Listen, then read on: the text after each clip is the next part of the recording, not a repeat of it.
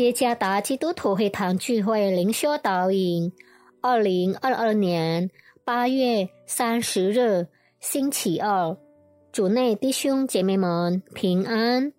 今天的灵修导引，我们会借着圣经《帖撒罗尼迦前书》第四章第三到第六节来思想今天的主题：圣洁与婚姻。作者。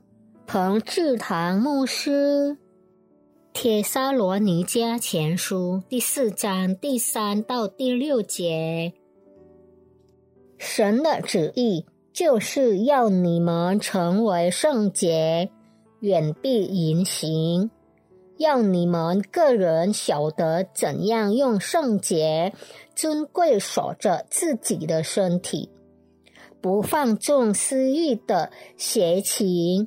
像那不认识神的外邦人，不要一个人在这世上怨愤欺负他的弟兄，因为这一类的事主必报应。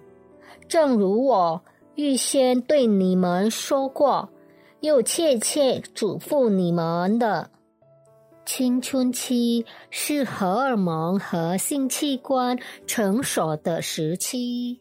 在这种情况下，与异性的交往必须有限制，即在身体上不应过于接近。如果你已经进入约会阶段，那么还有更重要的事情需要考虑，其中一些例子：避免单独两个人待在房间里或黑暗的地方。或出城旅行，青春时期的身体亲密很容易导致他们过早发生性行为。在今天的经文中，保罗提醒帖撒罗尼迦的教会要过圣洁的生活，远避淫行。帖撒罗尼迦是。是一个提供各种娱乐的大城市，未婚的会众往往很容易陷入淫乱的最终，尤其是那些非犹太背景的信徒们，他们已经习惯了在淫乱中生活，因此保罗劝勉。他们娶合法的妻子，并过圣洁的生活。他们不可以活在认识神之前那样的各种污秽和情欲中。神呼召他们做洁净的事，而不是污秽的事。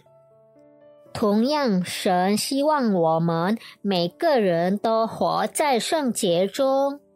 如果你没有足够的力量来控制你的生理欲望，那么结婚总比犯罪好。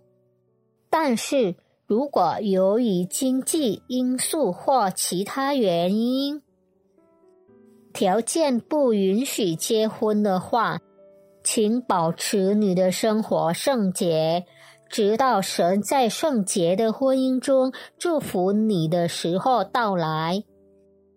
请记住，基督已将我们从所有的罪中救赎出来，使我们可以为他而活，也就是说，活在公义和圣洁中，而不是在污秽和罪恶中。